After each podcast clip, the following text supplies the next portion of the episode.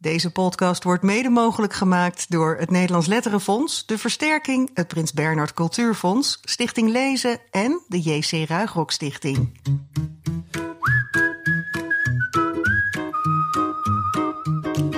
Wij zitten gelukkig nog heel vaak in een boekwinkel, zoals hier in Kinderboekwinkel in uh, Kiekenboek in Haarlem. Maar deze week mag eigenlijk iedereen weer wat meer naar de, naar de boekwinkel, gelukkig. Want ze gaan weer open komende woensdag. Dat wordt uitgebreid uh, gevierd, wel in alle voorzichtigheid. Want we moeten nog steeds heel voorzichtig uh, zijn. Klopt, ja. ja. Kwam jij nog wel eens in een boekwinkel, behalve in deze? In deze, ja. ja. Oké. Kiekenboek dus ja. in Haarlem, ja. Ik had de neiging om de laatste tijd wel veel boeken te kopen... en ze dan steeds los te kopen. Zodat je zo vaak mogelijk... boekwinkel, ja. Ik denk, doe ik er niet drie tegelijk. Maar, uh, maar goed, vanaf de, deze week mag het gelukkig weer. Ja. Um, en welke boeken moet je dan kopen? Hè? Dan gaan we er in deze aflevering maar eens Zeker, boodschappenlijstje. Ja, precies. De 43ste aflevering van de GVP. Mijn naam is Jaap Vliezo van jaaplees.nl. En tegenover mij, je hoorde hem al, zit Bas Maliepaard, kinderboekenrecensent van Trouw. Wat wordt onze eerste tip voor dat lijstje, Bas? Ja, het boek waar we met onze gast over gaan praten natuurlijk. Uh, die moet bovenaan op je lijstje. Even wat citaten uit de media. Subliem, warm, wijs en ontroerend, schreef ondergetekende toevallig. ja. Een meesterwerk, NRC Handelsblad. Spectaculair, de Volkskrant. Een meesterverteller, Jaap Leest. Okay. Ja, uh, hij won er samen met illustrator Ludwig Volbeda onlangs de Woutertje Pieterse prijs mee. En het is een prachtig geschreven raamvertelling die barst van de verbeeldingskracht. Hele voor een halve soldaat van Benny Lindelauf. Benny, fijn dat je er bent. Welkom. Ja. Ja. ja. Je, je, keek weg toen ik dit allemaal ging zeggen, of was dat toeval? Uh, uh, dat was toeval. okay. Je bent wel goed met complimenten in ontvangst nemen? Uh, dat, hangt, dat hangt heel erg van het moment af en, en, en, en wie, het, wie het zegt. Tegenwoordig heb ik me wel meer aangeleerd om gewoon dat in met dank in ontvangst Dankbaar te knikken. Ja, want bij het winnen van zo'n prijs moet dat uh, ook wel. Want je wordt bedolven onder de felicitaties en complimenten de afgelopen weken. Ja. Aan. Ja. ja. Je huis staat vol met boeketten. Ja, dat is, dat is inderdaad waar. Het huis staat vol met boeketten. En toevallig in de afgelopen week dat die boeketten allemaal binnenkwamen, zat ik in Limburg. Oh. Dus Guido, die, uh, mijn man, die, uh, die, die belde elke avond om weer een foto van een boeket te maken. En gelukkig is hij heel goed met bloemen en ik helemaal niet. Dus, uh, het was in goede handen. het was echt een goede handen, ja. Hey, maar het is de tweede keer dat jij de Woutertje Pieterse prijs uh, wint. Eerder ja. won je hem voor De Hemel van Heivisch. Zijn, uh, zijn prijzen belangrijk voor je? Ben je daarmee bezig? ja en nee. tijdens het schrijven nooit, omdat, je, omdat ik dan echt kan opgaan in een, in een boek. Maar op het moment dat het boek af is, weet ik gewoon dat er reacties gaan komen hoop ik dat het goede reacties zijn. En uh, natuurlijk hoop ik ook dat het op de een of andere manier in de aandacht, uh, dat het de aandacht vangt. En een prijs is daar een belangrijke, hoe zeg je dat, sleutel. ja. ja. Maar wist je toen je dit af had, dit boek, Hele Verhalen van een Halve Soldaat, dat je iets bijzonders gemaakt had? Ik kan me voorstellen dat je binnen je eigen oeuvre ook wel weet bij sommige boeken, ja, hier, hier, ben ik, hier heb ik gepiekt. Of werkt dat niet zo? Ik, ik, ik denk dat het bij mij niet zo werkt, omdat als ik iets heb afgeschreven, heb ik het zo vaak uh, gezien en herschreven dat ik iemand anders nodig heb om me te vertellen wat voor boek ik eigenlijk heb geschreven. Dat ik weet dat ik ooit, toen, ik, toen ik Heivis had geschreven, de opvolger van Negen Open Armen, dat ik het oprecht niet wist. Is het, is het nou wat of is het nou niets? En dat ik aan vroeg, dat ik aan Dick Zweekhorst, de hoofdredacteur van Querido, vroeg van, wat heb ik nou eigenlijk geschreven? En ik had het echt nodig om andere ogen naar dat werk te laten kijken. Om in ieder geval een indruk te krijgen van hoe hij het dan uh, had beleefd. Ja. Want daarmee noem je een, een vorig tweeluik. Eigenlijk heb je nu weer een soort tweeluik ja. geschreven. Ja. En dat vorige boek, uh, Hoe Torto zijn vissenhart verloor, dat werd ook genomineerd voor de Woutertje. Ja, klopt. En toen kreeg je hem niet. Ja. Dus misschien dacht je nu wel van. Uh, twee keer, twee keer scheepsrecht. Ja. nou ja, kijk, je, Tuurlijk, ik hoop, ik hoop natuurlijk dat een, dat een boek een, een, een prijs wint. Maar, uh, maar ik loop ook al lang genoeg mee om te weten dat uh, een jurering kan altijd linksom of rechtsom uitvallen. Dat is ook dus zo. het is in zoverre ook weer een loterij. En daarin uh, ja, kan, je het, kan je het geluk hebben. Wat ik, wat ik heel fijn vind aan, zoals de Woutertje Pietersprijs tegenwoordig wordt gedaan, is met die genomineerden. Ja. Zodat je ook ziet uh, wat de andere boeken zijn. En ik denk dat iedereen die die boeken leest, uh, dat er genoeg mensen zijn die zeggen van nou voor mij had die mogen winnen, voor mij die mogen winnen. Het zijn gewoon allemaal goede boeken. Ja. Ben je ze zelf gaan lezen, de medegenomineerden? nee, ik heb er nog niet de tijd voor gehad. Eh, ik, eerst dacht ik van, oh, ik wil het wel van tevoren, ik wil ze van tevoren gelezen hebben, zodat ik weet met wie ik te maken heb. maar dat is me eigenlijk niet gelukt. Dus nou ja, dat ligt voor het komend jaar, eh, ligt dat eh, op, het, eh, op de stapel. Ja. Nou, heb je een mooi lijstje om eh, mee te beginnen. Zeker. Jouw, jouw mooie- boodschappenlijstje is al af eigenlijk. Ja, voor Ja, dit mooie jaar. nominaties Ja. en Ja. een mooie winnaar. Hey, ik kan me voorstellen dat elk boek dat je maakt, dat dat weer iets anders voor je betekent en een bepaalde plek in je leven of je in je oeuvre heeft, zeg maar. Wat, wat, wat, hoe geldt dat voor dit boek? Welke plek heeft dit boek in Dat je? vind ik echt een vraag die stelt een recensent. Oh ja? En die denkt dan ook Echt dat je daar, ja, en die denkt dan ook echt dat de schrijver daar een zinnig antwoord op Ja, kan dat geven. denk ik. Nou, ik- ik denk, ik kan daar niks over zeggen, want ik, ik zeg maar, dit boek is. Ik moet wel zeggen, dit boek was al langer af. Het, eh, Ludwig is lange tijd bezig geweest om naar te zoeken naar de Ja, beeldtaal. Volbeda, hè, ja. Ludwig Volbeda, om daar de beeldtaal tegenover te plaatsen. Dus het is wel al, eh, al langer geleden dat ik, het, dat ik het heb gemaakt.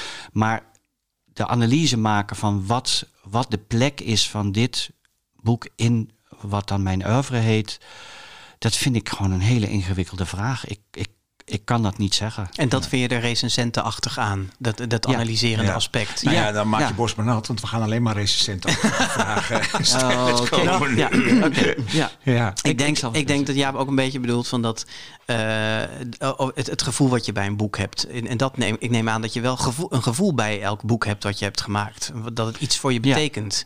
En wat, Ja. wat is dit boek? Wat betekent dit boek voor je? Nou ja, misschien is de, het is de essentie wel, wel tweeledig, zonder het te willen hebben over een boodschap. Is een thema wat bij mij, bij mij vaak terugkomt, dat is de oorlog.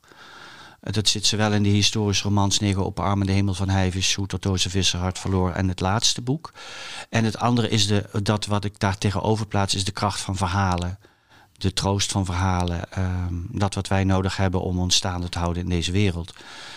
Misschien heb ik het in dit boek het meest expliciet gemaakt. Ja, heb ik het misschien in dit boek zeker met name de kracht van verhalen het meest expliciet gemaakt. Ja. Ja. Ja. Is al een mooi voorschotje op het gesprek. Want ik, Zeker. ik denk dat we straks even nog van je willen horen van waarom die oorlog dan natuurlijk voor jou. Natuurlijk, eh, ja. natuurlijk. alles horen nog. Ik zie al Ja. aan je dat je er al op gewacht had op die vraag. Maar laten we eerst even de boekentips gaan Ja, doen. over de eh, kracht van verhalen gesproken. Ja, zeker. Want wij eh, tippen het Groot Biegel Sprookjesboek. We hadden het er in de update al heel Ja, kort even over. Een soort biegelgroepies, maar dat is, lijkt me helemaal niet, niet onterecht. We hadden Leonie Biegel natuurlijk ook op visite in, in de GVP. En toen werd al aangekondigd dat er een groot Biegel sprookjesboek zou Ja. komen. En het ligt er nu en het is wonderbaarlijk mooi uitgegeven. hè. Benny, jij zag, zei, zag het net al even. Je, je Ja. zei meteen, zo wil je dat het boek Ja, wordt uitgegeven. zeker. Ja, waar zit dat in? Waarom zie je dat? Want je keek er maar drie seconden naar en toen zei je dat al. Ja, je ziet het aan de, aan de zorgvuldigheid vanaf, vanaf de kaft tot als je er doorheen bladert. Dat je tekeningen ziet die dan dwars door een tekst heen lopen. Die overgaan in. En, en ja, dan denk ik Paul Biegel en Charlotte Dimmertons. Het is volgens mij een gouden Ja, combinatie. want Charlotte Dementon heeft nieuwe illustraties gemaakt voor dit boek. Er staan 30 verhalen in. Het heet Sprookjesboek. Eh, daar valt wel wat op af te dingen. Tenminste, als Ja, je het leest. ja. Hè? Je kan het sprookjes noemen, maar het zijn eigenlijk verhalen. Het is ook een beetje bizar. Het, het, het, het, nou het zijn verhalen vaak vanuit één gekke twist. Weet je, een jongetje dat wil kunnen vliegen. Of, eh, en dan zit er vaak wel iets magisch in. Want het jongetje krijgt wel even vleugels en gaat ook even vliegen. Maar het is weer niet een wereld vol trollen en kabouters. En eh, al komen die ook wel weer. Nou, er zitten wel, van dat, er zitten wel meer sprookjesachtige verhalen in. Ja. Maar ook inderdaad dit soort verhalen over, over een kleine magie in het dagelijks leven. Zeg maar. Er zit ook een verhaal in over een jongetje dat beweert dat hij kan toveren. En zijn vriendjes die geloven hem allemaal Nee, niet. precies, maar ja. uiteindelijk leer je aan het eind dat het hem toch gelukt is. Ook al heeft niemand het gezien. Weet je, wel? nee. dat soort eh, Ja. Dingen zitten Nou ja, erin. en, en je ziet gewoon hoe ongeweldig goed Biegel kon schrijven. Weet je, hoe fijnzinnig, hoe mooi Muzikaal muzikaal. Ja, vooral, man. is goed dat je dat zegt. Ja, Ja. Want er staan heel veel van die, nou ja, ook van die letterlijk liedjesachtige dingen in. Maar ook alle namen die hij gebruikt. En ik kan het zo niet meteen citeren, maar er zit zoveel ritme in die verhalen. Dat is echt prachtig. En het is inderdaad heel mooi uitgegeven. En die, nou, die tekeningen van Charlotte de Debator, die passen er... eh, Heb je een favoriet sprookje of verhaal? nou ja, wat mij heel erg op een of andere manier echt aangrijpt is de nevelkinderen, heet dat geloof ik, Ja. het zo? Ja, Ja, kindertjes, Ja, nevelkindertjes. nevelkindertjes, ja. Ja. ja. en dat is gewoon heel... daarin laat hij ook zien dat het wel degelijk over dingen gaat. Weet je, dat gaat uiteindelijk over de, over de dood. En, eh, maar zonder dat dat er heel erg dik. Dat is in heel veel verhalen denk je, oh, waar gaat dit nou eigenlijk over? En als je er dan dieper over nadenkt, dan zit er best wel een soort boodschapje in. En ja, die nevelkinderen is een heel. Het is ook prachtig geïllustreerd. eh, Of een oude weer. boer, hè? En die, Ja, die hoort op een, eh, op een nacht kinderen langs zijn raam trekken. eh, zingende, lachende, Ja, hij hoort iets. Ja, en zijn dochter komt steeds langs en die zegt: Papa, dat verbeeld je allemaal. En ik zie helemaal geen voetafdrukken. Maar dan gaat hij de volgende nacht weer. En gaat hij de nacht ook echt voor zijn huis zitten, voor de boerderij, om te kijken Ja. of ze dan komen. Ja, dan nemen ze hem eigenlijk mee. mee, Ja, zeg maar. Spoiler. Ja. Ja. maar dat is heel mooi. En ook met die illustraties die er nu bij staan, dat vind ik wel heel. Ik vind, het is altijd lastig met dit soort illustraties. Want je soms denkt, ik wil zelf ook bedenken hoe ze eruit zien. Hè? Maar die nevelkindertjes, die zien er gewoon zo uit. Ook op klompjes. Hij maakt allemaal klompjes voor Ja. me. Dat is ook zo schattig. Ja. Heb jij zo'n soort verhaal? Ja, ik, ik had mijn favoriet tot nu toe, want dat verandert ook elke keer weer een beetje. Als je ze, ik kende veel van de sprookjes al uit de vorige uitgave. Ehm, deze was een beetje weggezakt, maar die vond ik juist nu weer heel erg mooi. Eh, het mooiste huis van de wereld. Oh ja. Over een, eh, een, een man en een vrouw die. Het mooiste eh, huisje van de wereld. Ja, het mooiste huisje Ja. van de wereld. Ja. Man en een vrouw die eigenlijk achter elkaar alles moeten verkopen omdat ze geen geld hebben. Dus eerst verkopen ze hun tafel en dan hun stoelen en dan nou, noem maar op. Totdat eh, uiteindelijk de vrouw besluit om een huisje van papier te gaan knippen. Om in te gaan wonen.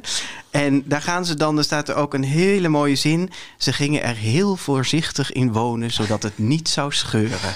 Nou, dat is echt heerlijk. Ja. En op een gegeven moment neemt de wind dat huisje mee. Kom, mag, ik het, mag ik het einde vertellen? Ja, voor mij Ko- wel. komen Ja, ze in een warm land, landt het huisje in de tuin van een paleis. En iedereen vindt het het mooiste huis van de wereld. En de, en de man en de vrouw mogen in het paleis gaan wonen. dat is het. Ja, dat, dat is dat hele. Eh, er zit ook heel veel van die interactie in, tussen gewone mensen eigenlijk. Ge- De gebroeders Kietelklauw is bijvoorbeeld ook zo'n. eh, dat gaat over een opa die zegt tegen een kleinkind dat hij kan toveren. En nou, ja, dat heeft met kietelen te maken. Ja. Maar inderdaad, als opa overlijdt, dan kan hij ook door 3, 2, 1 te zeggen, kan hij ervoor zorgen dat mensen enorm de kietel krijgen. En ja, dat is eigenlijk heel- een heel simpel Gegeven, gegeven, ja. hè? zonder dat het enorm magisch is. Maar eh, Hey, maar Benny, in, in bijna alle recensies over jou, eh, zeker over hele verhalen voor een halve soldaat, zijn vergelijkingen met Biegel ge- gemaakt. Eh, Mhm. Wat, wat betekent hij voor jou? Eh, is, is het een schrijver waar je. schatplichtig aan bent. Nou, ik, Dat is een recensentenvraag, Oh, ja. Nee. waar je van houdt. Een schrijver waar je van houdt. voor een gewone schrijver. Ehm, ik, ik heb eigenlijk Paul Biegel pas heel laat leren kennen. Eh, niet in mijn jeugd. Eh, eigenlijk pas eh, bij Nachtverhaal. En Laatste Verhalen van deze De eeuw. eeuw. Ja. En ik vond allebei de boeken vond ik, om veel gebruikt woord, magisch. En met name ook door. ehm, want je kan, je kan zeggen, het zijn sprookjesachtige verhalen. Zeker eh, ehm, een nachtverhaal. Maar hij maakt zulke gelaagde personages van een kabouter of van een rat of van een pad dat eh, dat, dat ver voorbij gaat aan dat wat sprookjes natuurlijk ook wel hebben is dat het altijd een beetje algemene wereld is. Er is Ja, een koning, is een archetypische. koning, archetypische en de, de, de moraal zit er ook eh, duimendik bovenop en het is juist bij hem houdt hij dat veel grijzer en, en, en grimmiger en tegendraadser, waardoor ik als lezer, en, en ik ben natuurlijk een volwassen lezer, maar ik hou ontzettend van, van dat je zo'n bekende wereld neemt, maar daar wel dat zo echt weet neer te zetten dat je, dat je het gewoon gaat geloven. En, de musicaliteit van Biegel, die vond ik. Eh, hij doet heel veel dingen met herhaling. En bij veel schrijvers denk je op een gegeven moment, nou dat mag wel wat mij minder. Maar bij hem is het is op zo'n Ja. natuurlijke manier dat je, hem- je hoort hem gewoon praten. Ja. Ja. En, eh, echt een en verteller, hè? Het is Ja. echt een verteller. Ja. Ja. Ja. Nou, het, het, het groot Biegelsprook. nog iets Wil je er nog wat Nou, meer over ja, zeggen? Dat, de- dat de illustraties echt mooi zijn. Dat ze ook op een hele vanzelfsprekende manier eh, divers zijn. Hè? Dat er donkere personages eh in voorkomen. eh, ja, en dat, dat het... Ik denk dat dit echt wel weer een klassieker eh, en ook wel een verkoopsucces eh, gaat worden. Maar ook terecht, want het is gewoon heel erg mooi. Wij plakken er een sticker op, Ja. getipt door de grote vriendelijke podcast. Uitgegeven bij Godmer. En, en nog heel even te zeggen dat Leonie Biegel zijn dochter de sprookjes ook mede heeft uitgekozen. Ja, want hij heeft er meer geschreven, hè? dus dit Ja. is een selectie van, eh, Ja. van 30. Hey, we doen er maar twee, want we hebben nog een heel ander mooi eh, Ja, boek. De Geest en het Meisje, Lucy Strange, een Britse auteur. Eh, ken je haar, eh, Benny? De naam zei me wat, maar ik heb nog niks van haar gelezen. Was heeft ge- ja, ze heeft hiervoor geschreven het, eh, het geheim van het nachtegaalbos. En eh, die hebben wij ook getipt, de Ja. volgende. En iets met een vuurtoren, Ja. de cover. Ons, Kasteel aan kasteel aan zee. ja. Ons kasteel aan zee heette het, ja. Het onze eigen tips niet eens meer weten. Ehm, eh, dus er werd wel naar uitgekeken naar dit boek. Merkte je ook al op social media en zo. Hè? En, eh, En door mij. En, en wij, ja, Ja, wij nou ja, zo'n boek als je dan in, in de bus krijgt, je denkt, heb ik zin om meteen aan te Ja, beginnen. meteen, Ja. meteen gaan Ja. beginnen. En dit is, eh, ja, je ziet het meteen eigenlijk ook al aan de cover en de, en de titel ook trouwens. Het is echt een eh, klassieke gothic novel. Ja, met zo'n begraafplaats op de voorkant Ja, ook, en, en, en in- in de verte zie je, je ziet een soort groot meer en in de verte een, een oud landhuis en donkere bergen eromheen. En vooraan ook een geestverschijning, een meisje eh, of een jonge vrouw. En eh, het is echt dus een gothic novel in de beste Britse traditie, zullen we maar zeggen. Ja. Er wordt ook veel verwezen, bijvoorbeeld ook nog weer naar Hamlet. Ehm, en eh, eh, nou ja, goed, ze heeft achterin allerlei inspiratiebronnen genoemd. Kun je Ehm, kort iets over het verhaal zeggen? wat zeg je? Kun je kort iets over Oh ja, het nee, verhaal sorry. Ik zal, zeggen? ik zal het verhaal eerst eens even beschrijven. het gaat over Lady Agatha Asquith, heet ze. Twaalfjarig meisje. Dat, haar vader gaat aan het begin van het boek dood. Haar moeder is al overleden. En dan blijkt eigenlijk dat eh, deze mensen niet haar echte ouders waren. Nee, want er komt een neef. Er komt een neef aan die eh, eigenlijk de hele zaak erft. Ja, en, die eh, zegt van, ik moet jou er hier Nee, helemaal niet die bij wil, hebben. wil haar zo snel. Laat je mij het verhaal ook Ja, sorry, ja. Nee, oké. Die gaat proberen om dat meisje zo snel mogelijk uit dat huis te verdrijven, uit dat landhuis. En naar haar biologische vader te brengen. En dat blijkt een, een ganzenboer uit de, Ja. uit de omgeving. Een hele eenvoudige kom af. En zij ja, verliest dus eigenlijk alles: haar, haar naam, haar status, haar geld, haar eh, wilderige leven. En ze heeft ineens een vader waarvan ze helemaal niet wist dat ze die had. Want haar echte vader, voor haar gevoel, is net overleden. Dus Precies. dat is ook heel gek. Ja. En nou ja, goed, dus zij moet, nou ja, dat snap je, eh, gaan onderzoeken van hoe is, hoe is dit zo gekomen? En wie is deze man en hoe kan hij mijn vader zijn? En waarom ben ik dan opgegroeid als de lady in dit huis? Ja. En dat gaat ze doen en daarbij krijgt ze hulp op zeker moment van een... ehm, van een geestverschijning. Een, een, eh, een jonge vrouw die zich aan haar openbaart op de eh oudejaarsnacht. eh, tussen de ehm 19e en 20e eeuw. Ja, hè? 1899. 1899 en 1900. En er is een, een, een, een doodgraver in het boek die heel mooi zegt van dat op dat soort nachten om 12 uur s'nachts tussen twee eeuwen in, dat is een kier in de tijd. Mm. En daar kunnen die geesten dan, of de doden, de, het rijk van de levenden weer betreden. Ja, en wie is dan die jonge vrouw? Die lijkt haar te willen helpen in nou ja, de zoektocht naar wie ze. Wie, Ja. eh, eh, Nou, dat gaan we maar Ja. niet te veel spoileren. Nee, gaan we niet spoileren. Nee. Ehm, het is ehm, echt zo'n verhaal wat Lucy Strange heel goed kan. Van zo'n puzzelstukjes. Het is echt heel raadselachtig. Ja. En eh, ook geheimen. Eh, de ouder-kindrelatie zit er weer in. Was in de vorige boeken ook eh, een belangrijk thema. En het is heel, eh, ja, heel meeslepend. Ook, ook wel groots en meeslepend. Het is ook behoorlijk dramatisch op een gegeven moment. Maar zij was te gast bij eh, de kinderboekwinkel in Amsterdam. Die doen op Instagram heel leuk eh, lezen live. Daar nodigen ze ook buitenlandse auteurs uit... met wie ze dan live gaan op Instagram en veel vragen stellen. En Lucy Strange was daar. En die vertelde ook dat ze echt zin had om een dramatic gothic novel te schrijven. Dus ze had echt, dat was haar doel om dat te gaan dat is eh, gelukt. Want Ja. er zit ook heel veel van, wat ik eraan overhoud, is dat er heel veel mist in zit ook. Ja, het is, Het is allemaal echt- constant nevelig, koud. Ja. En, Ja, dat hoort ook echt Dat zo. hoort echt erbij, Ja, ja. ik ja, zie dat het je ook wel eh, voor me als een, eh, als een strip in de Tina. Zo hoor. Nou, Oh, eh, ja. ja, nou, dat heeft, dit heeft wel iets meer dan Heeft een wel iets strip meer gelaagdheid. Ja. Ja.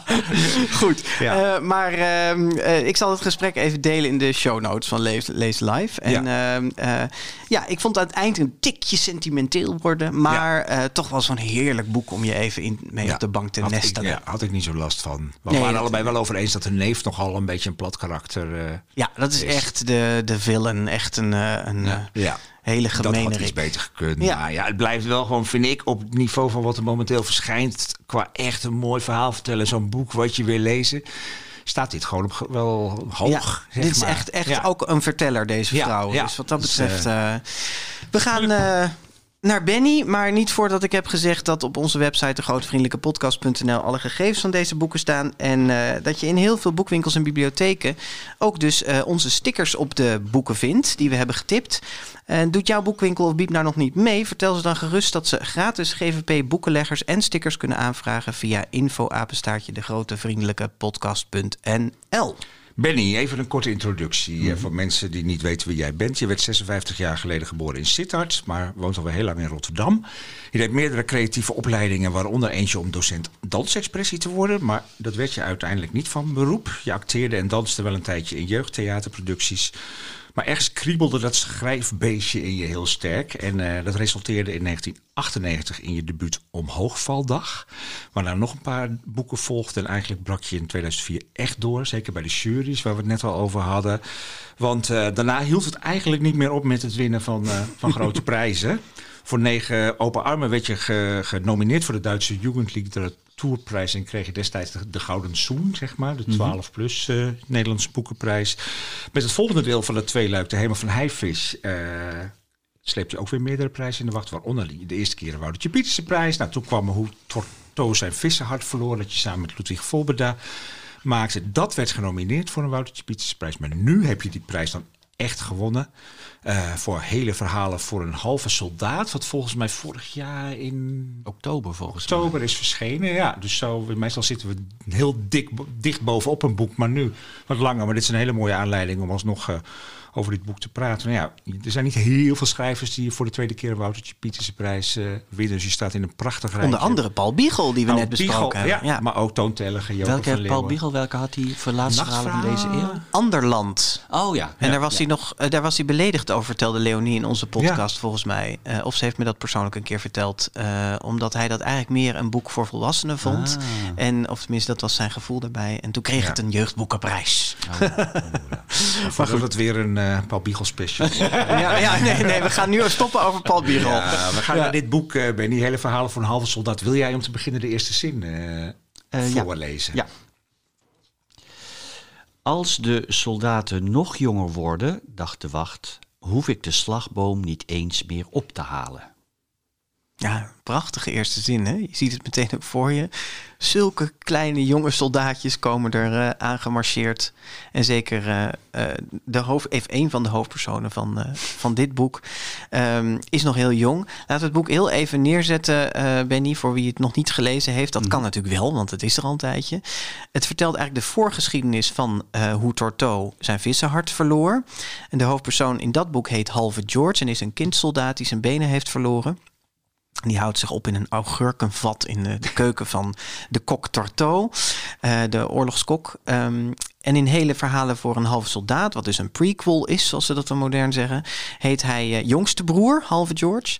En hij woont nog thuis eh, met zijn vijf broers, die één voor één worden opgeroepen om naar de oorlog te komen. En al die broers die komen bij een wachtpost in de woestijn. En wat gebeurt daar dan, Benny? Die wachtpost die zit daar om die, die soldaten door te laten. Maar hij mag ze niet zomaar doorlaten, want het voeren van een oorlog is heel duur. En heeft het ministerie iets heel slims op bedacht. Die soldaten moeten dan ook maar iets kostbaars achterlaten. En de broers die, eh, die aankomen, die, hebben, die zijn heel arm, die hebben niks. En dat wat ze hebben is niet interessant voor de, voor de wacht. Dus besluiten ze om hem een verhaal te vertellen, elk één voor één. Maar ze stellen wel steeds een voorwaarde.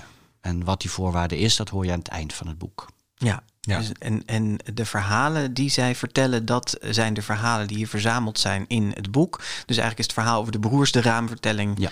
daaromheen. Hè? Ja, maar dit noemen we een raamvertelling, hè? Ja, Zo heb je het ook. Je dacht ook, ik ga een raamvertelling schrijven. ik dacht, kom, laat ik eens halen. precies. Ja. dat heb ik nog niet gedaan. Je werd dus- wakker op een dag. Maar dat geeft je natuurlijk de ruimte om allemaal kortere andere verhalen te schrijven binnen Ja. een soort rode draad. Dat noemen we de raamvertelling. Ja, klopt. Vond je dat een aantrekkelijk idee om te doen? Ja, het, het kwam eigenlijk toen ik eh Toto eh, had, eh, had geschreven. Toen wilde ik iets nieuws doen, maar ik had eigenlijk... Toto is ook een best een, een, een verhaal wat veel omspant. Een groot verhaal waar weer andere verhalen in zitten. En ik dacht, en moest Guido, mijn man, heel ook om lachen. Want dat zeg ik vaak. Ik ga nu iets eenvoudigs schrijven. En eh, nou, zei hij, dat kan je proberen. Eh, en toen, eh, mijn, mijn insteek was toen, ik hou heel erg van het korte verhaal. En een korte verhaal, dat is een soort bommetje van, van, van taal met, met, met hooguit één, anderhalve verhaallijn. Maar dat kan je heel mooi afmaken. En het leek, leek me zo lekker om elke maand dan, bij wijze van spreken, dan een verhaal rond te hebben. Dat je dat dan hebt, in plaats van dat je, dat je soms jarenlang met een verhaal sleept totdat het op de goede plek ligt. En dus dat was een van de redenen dat ik dacht, oh, daar heb ik zin in. Dus het begon met, met, met eh, een genre. Daarnaast ehm, we staan er twee verhalen in die al eens eerder zijn verschenen. eh, in een verhalenbundel van Querido. Eh, en die verhalen die schreef ik en die komen dan eigenlijk tussen allerlei andere verhalen in te staan. En eigenlijk gunde ik die verhalen een beter huis. Dus niet wegvallend in de, tussen de anderen en ook met een mooie stevige kaft. En toen dacht ik, hm, dat zouden wel eens de eerste twee verhalen kunnen zijn die ik dan al binnen heb. Dan, Ja. hè, ik wist nog niet hoeveel verhalen het zouden, zouden worden. Dus dat was een tweede. En een derde was, eigenlijk gebeurt het allemaal een beetje zo door elkaar heen, eh, dat ik me realiseerde dat in Toto die zin staat van eh, dat halve George tegen de kok zegt, hij kan niet slapen, eh, kan je me geen verhaal vertellen? Want mijn broers kenden veel verhalen. En dat was eigenlijk de aanleiding. Ik dacht, oh, maar wat voor andere verhalen zouden die broers dan verteld hebben? En waarom eigenlijk? Dus het zijn geen losse dingen. Als je schrijft zijn dat geen losse dingen. Maar het was eigenlijk iets wat zo gaandeweg Organisch, bij elkaar, ja. bij Ja. elkaar Ik vind dat heel grappig klinken, want je hebt dus zelf iets verzonnen over die broers die losse verhalen. Maar Ja. dan denk je ook meteen weer van, oh, maar wat zouden al- ja. Verhalen zijn? Ja. Terwijl je die zelf ook weer moet verzinnen. Ja, maar je, ja, ik genereer eigenlijk mijn eigen werk. Dus, Ja, eh, ja. ja. Dus, dus- maar ook mijn, eh, ik genereer ook mijn eigen nieuwsgierigheid door, door die vraag dan te stellen. Ja. Maar jij denkt ook echt, die broers hebben verhalen. Ja, ja. Dat is wat er in het boek staat. Ja, maar die, die, die- dat is niet zomaar een zin die je hebt opgeschreven. Dan, dan bestaat die wereld daarbuiten. Achter die zin, die bestaat er eigenlijk ook voor jou. Ja, Ja. ja, Ja. dat moet ook wel, want Ja. anders heb je geen wereld. Die wereld die is, die is breder dan, is- die is dieper dan het papier Ja. zelf, Ja. als het goed is. Ja, ja precies. Wat me even nog, even nog heel t- kort terug naar die titel. Want er staat hele verhalen voor een halve soldaat. Mhm. Eigenlijk weet je pas wat er met die halve soldaat bedoeld wordt als je Torto ook hebt gelezen. Terwijl dat in chronologie eigenlijk pas na dit boek komt. Waarom heb je daar toch voor gekozen om dat in de titel te zetten? Nou, omdat je in de eerste zin eigenlijk, als de soldaten nog jonger worden, dachten, wacht, hoef ik niet eens een slagboom meer op te halen. Dat geeft eigenlijk aan dat het geen hele soldaat meer kan zijn. ja.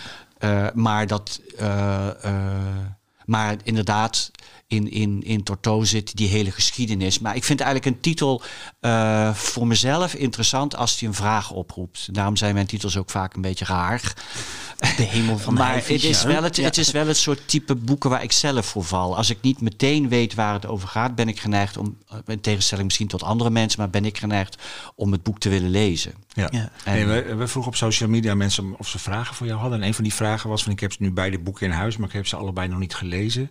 Moet ik eerst Torto gaan lezen? Ja, nee, eh, ja, ik, ik, eh, eh, ik probeer altijd een boek zo te schrijven dat je het los van elkaar kunt lezen. En ik denk dat de, de oogst eh, een andere is als je eerst eh, met hele verhalen begint en daarna naar Torto eh, stapt, of omgekeerd. Maar het een is niet minder waardevol dan het ander, denk ik. Nee, Je maar kan- je hebt het ook niet nodig om dit boek te lezen. Nee, nee, Nee, daarom wilde ik ook de, naam Halve George niet gebruiken. Nee. Ik dacht van, nee, dat mag gewoon op zichzelf staan. En degene die Torto hebben gelezen kunnen denken... Oh, wacht eens even, die soldaat ja. met die kwastjes, is dat dan niet... Ja, ja, nou, ja, dat vind ik dan een leuk. Ja, vind ik dan ja. een leuk. Ja, bij mij duurde dat natuurlijk weer heel lang voordat ik dat door. Nee, maar je hebt ook een prachtig motto voor in het boek staan. eh, ontleend aan ehm, ehm, de stem van Grossman. Tamar van Ja. David Grossman. Eh, een verhalenkind, dat ben jij. Dat zag ik in één oogopslag. Wel nu, ik zal je een verhaal vertellen als geschenk voor het verhaal dat je mij hebt verteld. Ja. Kwam je dat, eh, had je, ken je die, dat citaat al of kwam je dat toevallig tegen toen je hiermee bezig was? Eh, ik had het boek al gelezen. En, eh, en, en dat, bleef, dat blijft dan waarschijnlijk ergens achter plakken. En dat komt op een gegeven moment dan dat ik dacht... oh, maar dat is eigenlijk wel een heel mooi motto voor dat, eh, voor dat, voor dat verhaal. Maar volgens mij had ik het wel al eerder gelezen. Maar er zijn soms zinnen die blijven dan hangen... omdat ze iets zeggen over eh, hoe ik zelf de wereld beleef... of hoe ik het schrijven beleef... of hoe ik eh, verhalen zie. Dus- Nou, en, en jongste broer is natuurlijk een, een verhalenkind als geen ander, hè? gevoed door zijn broers. Ja. Hoe zit dat met jou? Ben jij een verhalenkind? Ja, ik, ben- nou, ik denk, ik heb dat al vaker verteld, maar mijn grootmoeder was een, is een hele belangrijke bron voor mij. Dat was een verhalenvertelster, puur zang. Ze kwam ook uit een tijd waarin, ja, er was een, geen tv en nauwelijks radio. Dus wat deden die mensen? Die vertelden elkaar s'avonds verhalen. En die Zijn verhalen of, of had ze bestaan? Ze, ze, eh, wat ze heel veel deed was verhalen vertellen over het huis waarin zij was opgegroeid. En daarop is Negen Open Armen de Hemel van Heijvis ge, eh, geïnspireerd. Maar wat zij bijvoorbeeld ook deed, En ik had het er laatst met mijn zus over en die herinnerde zich dat niet. Maar wat ze in ieder geval bij mij deed als ik bij haar kwam logeren, was dat ze dan uh, sprookjes ging vertellen. Maar dan hustelde ze gewoon die sprookjes door elkaar heen. Dus kwam eh, de Wolf en de Zeven kwam bezoek bij Assenpoester. En, uh, en dat deed ze dan ook om, om een beetje te provoceren. Want kinderen, zeker jonge kinderen, die weten al goed hoe dat zit. En dat klopt dus niet. ja. Maar zij kon daar dan zo smakelijk op lachen. En dan ging ze dingen verzinnen dat, je dan toch weer, dat ik dan toch weer met haar meeging daarin. Dus ik denk dat dat uh, het zal niet zeggen dat het de enige bron is, maar het is wel een, een bron die ik me nog met waar ik heel warme herinneringen aan heb. Ja, nou, en die, in die verhalen die uh, de broers aan de wachtpost vertellen, en die dus allemaal in hele verhalen staan, die hebben ook allemaal die sfeer van hele oude verhalen, van legenden, van zagen, van sprookjes ook. Uh, wat vind je zo aantrekkelijk aan dat soort, dat type verhaal? Uh, ik vind het sowieso heel prettig om mezelf voor te stellen dat ik in een andere tijd uh, ben. En dan als een, als een personage. Uh, maar waarom? Dat vind ik een hele lastige. Er zit ook iets mystieks in vaak. En iets zei hij behulpzaam. Ja, ja. ik wil nog wat nou ja. verder helpen. ja, nou ja, je hebt ook een soort. Je kan ook veel. Je, die, die, je fantasie mag echt in, in dit soort verhalen. Ja. Dat, ik denk, maar, nou, misschien, misschien is dat het. Is dat wel een belangrijke uh, ding. Dus ik, ik, ik voel me aangetrokken tot dat reizen in al, echt andere werelden waar ik niet zelf uh, uitkom. Maar ik, ik, leef zeg maar dit bestaan nu als 56-jarige man in deze wereld, in, in, in, deze maatschappij, met, met deze problemen en, en uniekheden van, van, van deze tijd. En het schrijven stelt me eigenlijk in staat om nog een heleboel andere levens te leiden. Sterker nog, dat ik dingen kan, ik kan alles laten gebeuren. Ja, er staat een verhaal in over een pasteibakker die pastijtjes bakt en die worden niet van dierenvlees gemaakt. Die worden niet van, zijn, zijn ook geen veganistische partijen. Nee, verre nee. van. En dat kun je in een, een realistisch boek, hè, of gewoon een maatschappelijk geëngageerd, is dat toch een beetje gek om. Uh, uh, ja, en. Ja en nee, want ik denk bijvoorbeeld aan Het parfum van Patrick Suskind. is zo'n boek dat, ja, dat ook ja. die, die grens opzoekt in de verleden tijd. En ook van kan je het nog geloven of, kan je het, of geloof je het niet meer? Ja, ik vind dat heel aantrekkelijk. Dat ik het me kan voorstellen, betekent dat het kan bestaan. Misschien niet in deze wereld, maar voor mij bestaat dat echt. Op het moment dat ik het schrijf, ja, ja. en ik moet het natuurlijk zo schrijven, ik ben de eerste lezer dat ik het zelf ga geloven. Dat is, dat is pure magie. Want dan ben ik echt even ergens anders geweest. Ja, maar zijn er specifieke sprookjes of oude verhalen die je, die je dan hebben geïnspireerd? Er zit iets van het Scheherazade-effect in dit boek. Je, nou ja, de, de Blauwbaard komt voor in, in een van de verhalen ja. uh, van de poppenspeler. En er komen trouwens ook sledehonden in voor. Zeven honden die samen één naam hebben, namelijk Grim. Ja.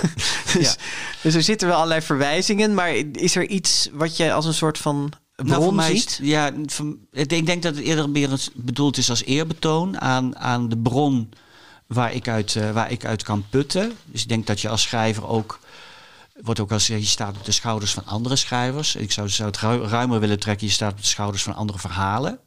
En die kunnen al heel veel. Ik geloof ook dat er, zoals Jung uh, uh, ook zei, van de, dat, dat in het onbewuste leven hebben wij een soort kern van verhalen waar we altijd uit putten. ik denk dat ik dat, ik dat dat ik dat ook doe. Um, ja, en dat voel je als lezer. Sorry dat ik je in je gedachten onderbreek. Want ik zie aan je gezicht dat je aan het nadenken bent. Maar dat, dat ervaar je als lezer ook zo heel erg. Dat is, de, dat is misschien ook wel een beetje de diepte waar de, uh, jury, het juryrapport van de Woutertje Pieterse prijs uh, over sprak. Van dat er een soort ja, lijn naar vroeger zit, maar ook een soort lijn naar die, nou, misschien wel jong eigenlijk. De, de diepte, ja. onze, onze collectieve. Nou ja, je kan eigenlijk, kijk, uh, je kan zeggen, het zijn heel veel verbeeldingsrijke verhalen. Dat gebruik ik eigenlijk liever dan, dan, dan het woord uh, sprookjes. Um, maar tegelijkertijd vertel of tenminste, ik, volgens mij, ik, ik put uit deze wereld eh, de dingen die ik meemaak, de dingen die ik heel moeilijk vind in dit bestaan. En ik geloof ook zonder dat dat nou te psychologiseren, maar ik geloof ook dat de manier van, van verwerken is van, van alles wat, wat deze wereld met zich, eh, met zich meebrengt. Met alle gruwelijkheden die ook op dit moment met oorlogen, met kindsoldaten eh, nog steeds plaatsvinden. Dus je kunt zeggen het is verbeeldingsrijk en tegelijkertijd denk je ja het is zo triest dat, want dat, eigenlijk is het dat niet. En als je het hebt over ja er gebeuren gruwelijke dingen in, nog niet half zo gruwelijk als de dingen die in deze wereld gebeuren. Nee. En help, eh, want jij zegt het is ergens een soort van verwerken. Ja, helpt het? Eh, eh, kijk, eh, zeker ook bij Toto. Ik maak me ontzettend boos over, over het mechanisme van, van oorlog voeren. Je kan zeggen dat hoort bij de. Dat is gewoon inherent aan de mensheid. En die zal dat ook nooit kunnen, kunnen laten.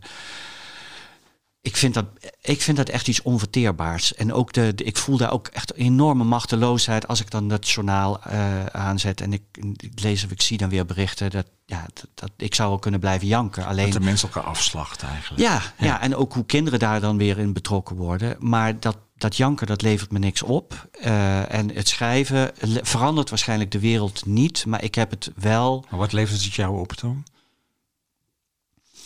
ehm, ik kan de gruwelijkheden van de, van de wereld, die kan ik aangaan.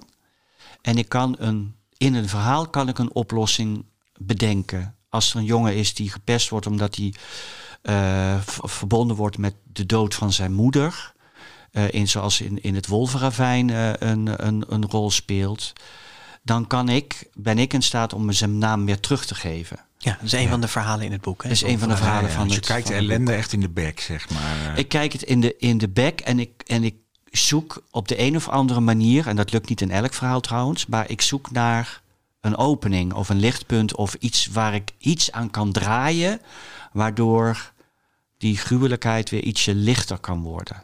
En dat dan dat helpt. Dat, dat zit even te denken of je dat dan. Want ik vind dat heel mooi wat je zegt. Maar dan denk je, heb je voor jezelf daar ook een soort betekenis aan kunnen geven. Eh, ik heb mijn boosheid voor een deel kwijt, kwijtgekund. En, en misschien ook wel mijn verdriet daarover. Nou ja, misschien is het, is het wel even godje kunnen spelen. En, en daar iets aan kunnen doen. Waardoor het voor mij eh, eh, even iets draaglijker eh, wordt. Ook, ook de, de machteloosheid misschien een beetje aan kunnen pakken. Omdat je Ja. Ja. ja, dus in control kunt zijn in zo'n verhaal. In- en dan, ja, bij, bij, bij uitstek. Hè? Ik kijk naar de zinnen en, en ik kijk er net zo lang naar totdat elk woord staat op de plek waar ik het wil hebben.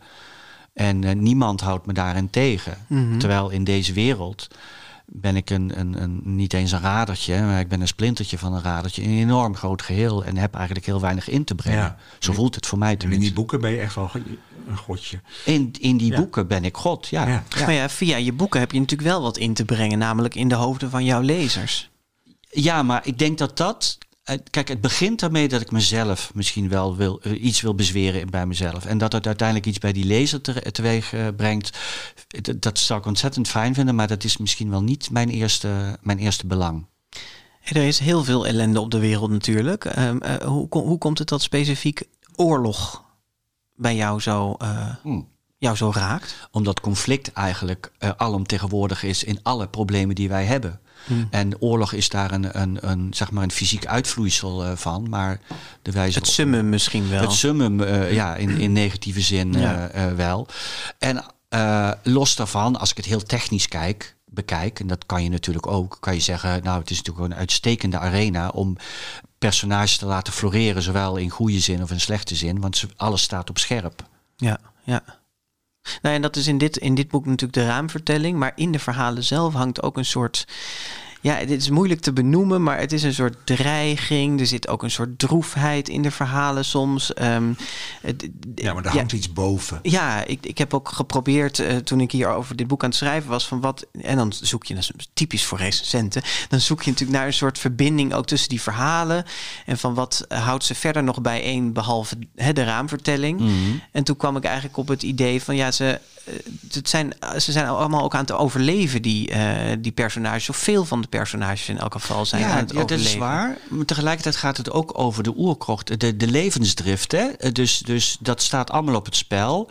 Maar ze zijn, als je zegt ze zijn bezig met overleven, dan zou je ook kunnen zeggen, is de enorme levensdrift. Ja. Wat eigenlijk eh, tegenover. eh, Het zijn- maar eh, het zijn twee kanten. het zijn Ja. twee kanten. Eh, en eh, voor mij eh, is dat ook eh, eh, eh, al die personages dealen met hun situatie op een soms vrij onorthodoxe manier. En, en vinden ook oplossingen voor Ja. problemen die ze hebben. Ehm, en dat is misschien ook wel wat ik hoop voor deze wereld, dat we daartoe in staat zijn met z'n allen om onorthodoxe oplossingen bedenken voor dingen waar we al veel te lang mee rondlopen. Ja, ja. Zullen we eens een stukje Ja, gaan ik wou net zeggen, we gaan echt even dat boek... eh, Of nou, niet wij, maar... nou ja, maar Danny. met, met z'n drieën. Ja. en met de luisteraar door een stukje te horen. En dit stukje dat komt uit het verhaal van de poppenspeler. Het is, eh, dat zei ik vandaag nog tegen jou. Dit, dit is mijn favoriete verhaal. Echt uit het... eh, Prins Arthur Zenig de Vijfde. ja, Het zijn ook zulke prachtige namen allemaal, Benny, die je verzint. Hoe krijg je het voor elkaar? Ja, die is poppenspeler en die heeft het kleine meisje Setta heeft hij gekocht van haar moeder om, om voor hem te komen werken. En hij heeft zelf moeilijke handen, om het maar zo even te zeggen. Ja, hij heeft reumatische handen, wat Ja. niet zo heel handig is voor een. Precies. En dan begin ik gewoon voor. Nou ja, precies. En eh, dit, dit stukje hebben we ook een beetje uitgekozen... omdat die dreiging hierin ook eh, duidelijk wordt, hopen we. Ja. Kom mee, zei prins Zenig. Het was aan het eind van de middag. Prins Zenig had zich niet meer laten zien en nu was hij net zo opgepoetst als de eerste keer. De krulletjes even piekfijn, zijn gifgroene mantel gestreken en op de juiste manier geplooid. Alleen zag zijn gezicht nu zo grauw als een laken naast een fabrieksschoorsteen. Ze kwamen door de hal waar Zetta de eerste keer voor prins Zenig had geparadeerd, sloegen een hoek om waar twee lijsten hingen zonder schilderij en liepen drie brede stenen treden op. Daar was een deur. Doe open, zei prins Zenig. De klink zat op normale hoogte, maar voor de kleine Zetta betekende het dat ze op haar tenen moest staan en met haar onaanzienlijke gewicht aan de klink moest gaan hangen. En nog kwam er nauwelijks beweging in. De prins deed niets om haar te helpen. Hij fatsoeneerde zijn kapsel, waar niets aan te fatsoeneren viel, en Zetta kon de krulletjes daadwerkelijk horen kraken. En uiteindelijk lukte het haar om de klink omlaag te trekken, maar het was alleen te danken aan het feit dat de deur iets wat voorover in de scharnieren hing, dat hij als vanzelf openkraakte. De ruimte die erachter lag rook muf en was zo donker als pek. Wat is daar? vroeg Zetta. Kijk zelf maar, zei prins Arthur Zenig de vijfde, en alsof het een goocheltruc was, haalde hij een kleine lantaarn van achter zijn rug tevoorschijn. De vader van Zetta, vader Smetterling, was een verwoed lezer geweest met een voorkeur voor gruwelverhalen. Zetta kende er tientallen, want vader Smetterling las hardop. Het was een gewoonte die hij had overgehouden aan zijn tijd in het leger. Want er is geen betere medicijn tegen de gruwelen van deze wereld, had hij vaak gezegd, dan de gruwelen uit het rijk der verbeelding. En natuurlijk was het niet de bedoeling geweest dat Zetta de verhalen hoorde. Maar omdat ze niet in de zaak mocht meewerken, verveelde ze zich vaak verschrikkelijk. En dus had ze zich in de grote Ottovaarse theepot verstopt, die als oorlogsbuit in de vensterbank stond. Het tinnen potdeksel op haar hoofd paste haar als een hoed. Ze kende dus de verhalen van vader Smetterling tot de laatste letter en komma. Over de gehangen moordenaar die bij de beul kwam spoken. Over de gewonde soldaat die op het slagveld de hand van een waanzinnige kreeg aangenaaid en zichzelf in zijn slaap wurgde. En dat over Blauwbaard natuurlijk. Haar lievelingsverhaal. Blauwbaard die zijn vrouwen één voor één vermoordde. Die verhalen gingen in Zetta's hoofd om op het moment dat ze de lantaarn overnam. Over spanningsopbouw gesproken. ja, er is geen beter medicijn tegen de gruwelen van deze wereld dan de gruwelen uit het rijk der verbeelding. Ik heb hem op een verschillende recensies zien Ja, opduiken, ja, deze zin. De zin uit het Het is blijkbaar, nou ja, misschien wel de zin uit het boek, ook als ik je net zo beluisterd heb. Ja. Is dat voor jou ook zo toen je deze schreef dat je dacht, nou, nu heb ik de kern te pakken? Nee, eh, ik had eh, eh, een aantal weken geleden een gesprek met, eh, met Thomas, Thomas de Veen van, Ja? van, eh, van de NRC. En eh, we hadden een wandeling gemaakt om te praten over, eh, over het boek. En toen benoemde hij dat. Hij zei, ja, maar dat gaat dan toch eigenlijk gewoon over jou. Dat is toch gewoon zoals jij het ziet. En ik was echt gewoon perplex, want het, ik had me dat niet gerealiseerd. Ik heb het gewoon bij, ik leg gewoon, als ik schrijf, ben ik niet met mezelf bezig. En misschien omdat ik er zo in zit, heb ik dat niet ge- zelf opgeslagen. Nee. Maar toen hij het zei, toen dacht ik, ja, nee, dat klopt. Daar heb je gelijk in. Ja, dit is eigenlijk gewoon wat je Dit is net de in kern. Het, daarvoor ook vertelde, Ja. voordat we dit gaan Ja. voorlezen. Ja. Ja, maar je hebt soms iemand anders nodig om, Ja. om eh, uit te lichten wat jij zelf hebt bedolven in, in, Ja. in al die verhalen. Toch niet zo heel onhandig, hè, die recensenten. Soms is het kan best We handig zullen zijn, het toch? interview even in de show notes eh, linken. Ja. Ik heb even een gemene vraag.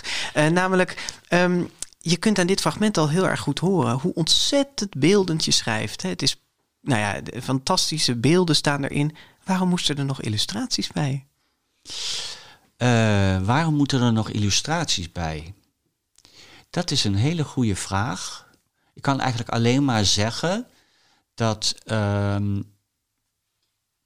ik me dit boek niet meer kan voorstellen zonder illustraties. En dat ik ook niet, maar... Nee, nee, maar dus ik moet het vanaf de andere kant eh, benaderen. Dus als ik het, als ik het, eh, als ik het boek eh, zie en zie wat, wat Ludwig met de beelden heeft gedaan, dan is hij, zeg maar, de verhalen zitten eigenlijk vol dat soort details. En hij heeft daar tegenover gezet ofwel ook bedriegelijk eenvoudige beelden.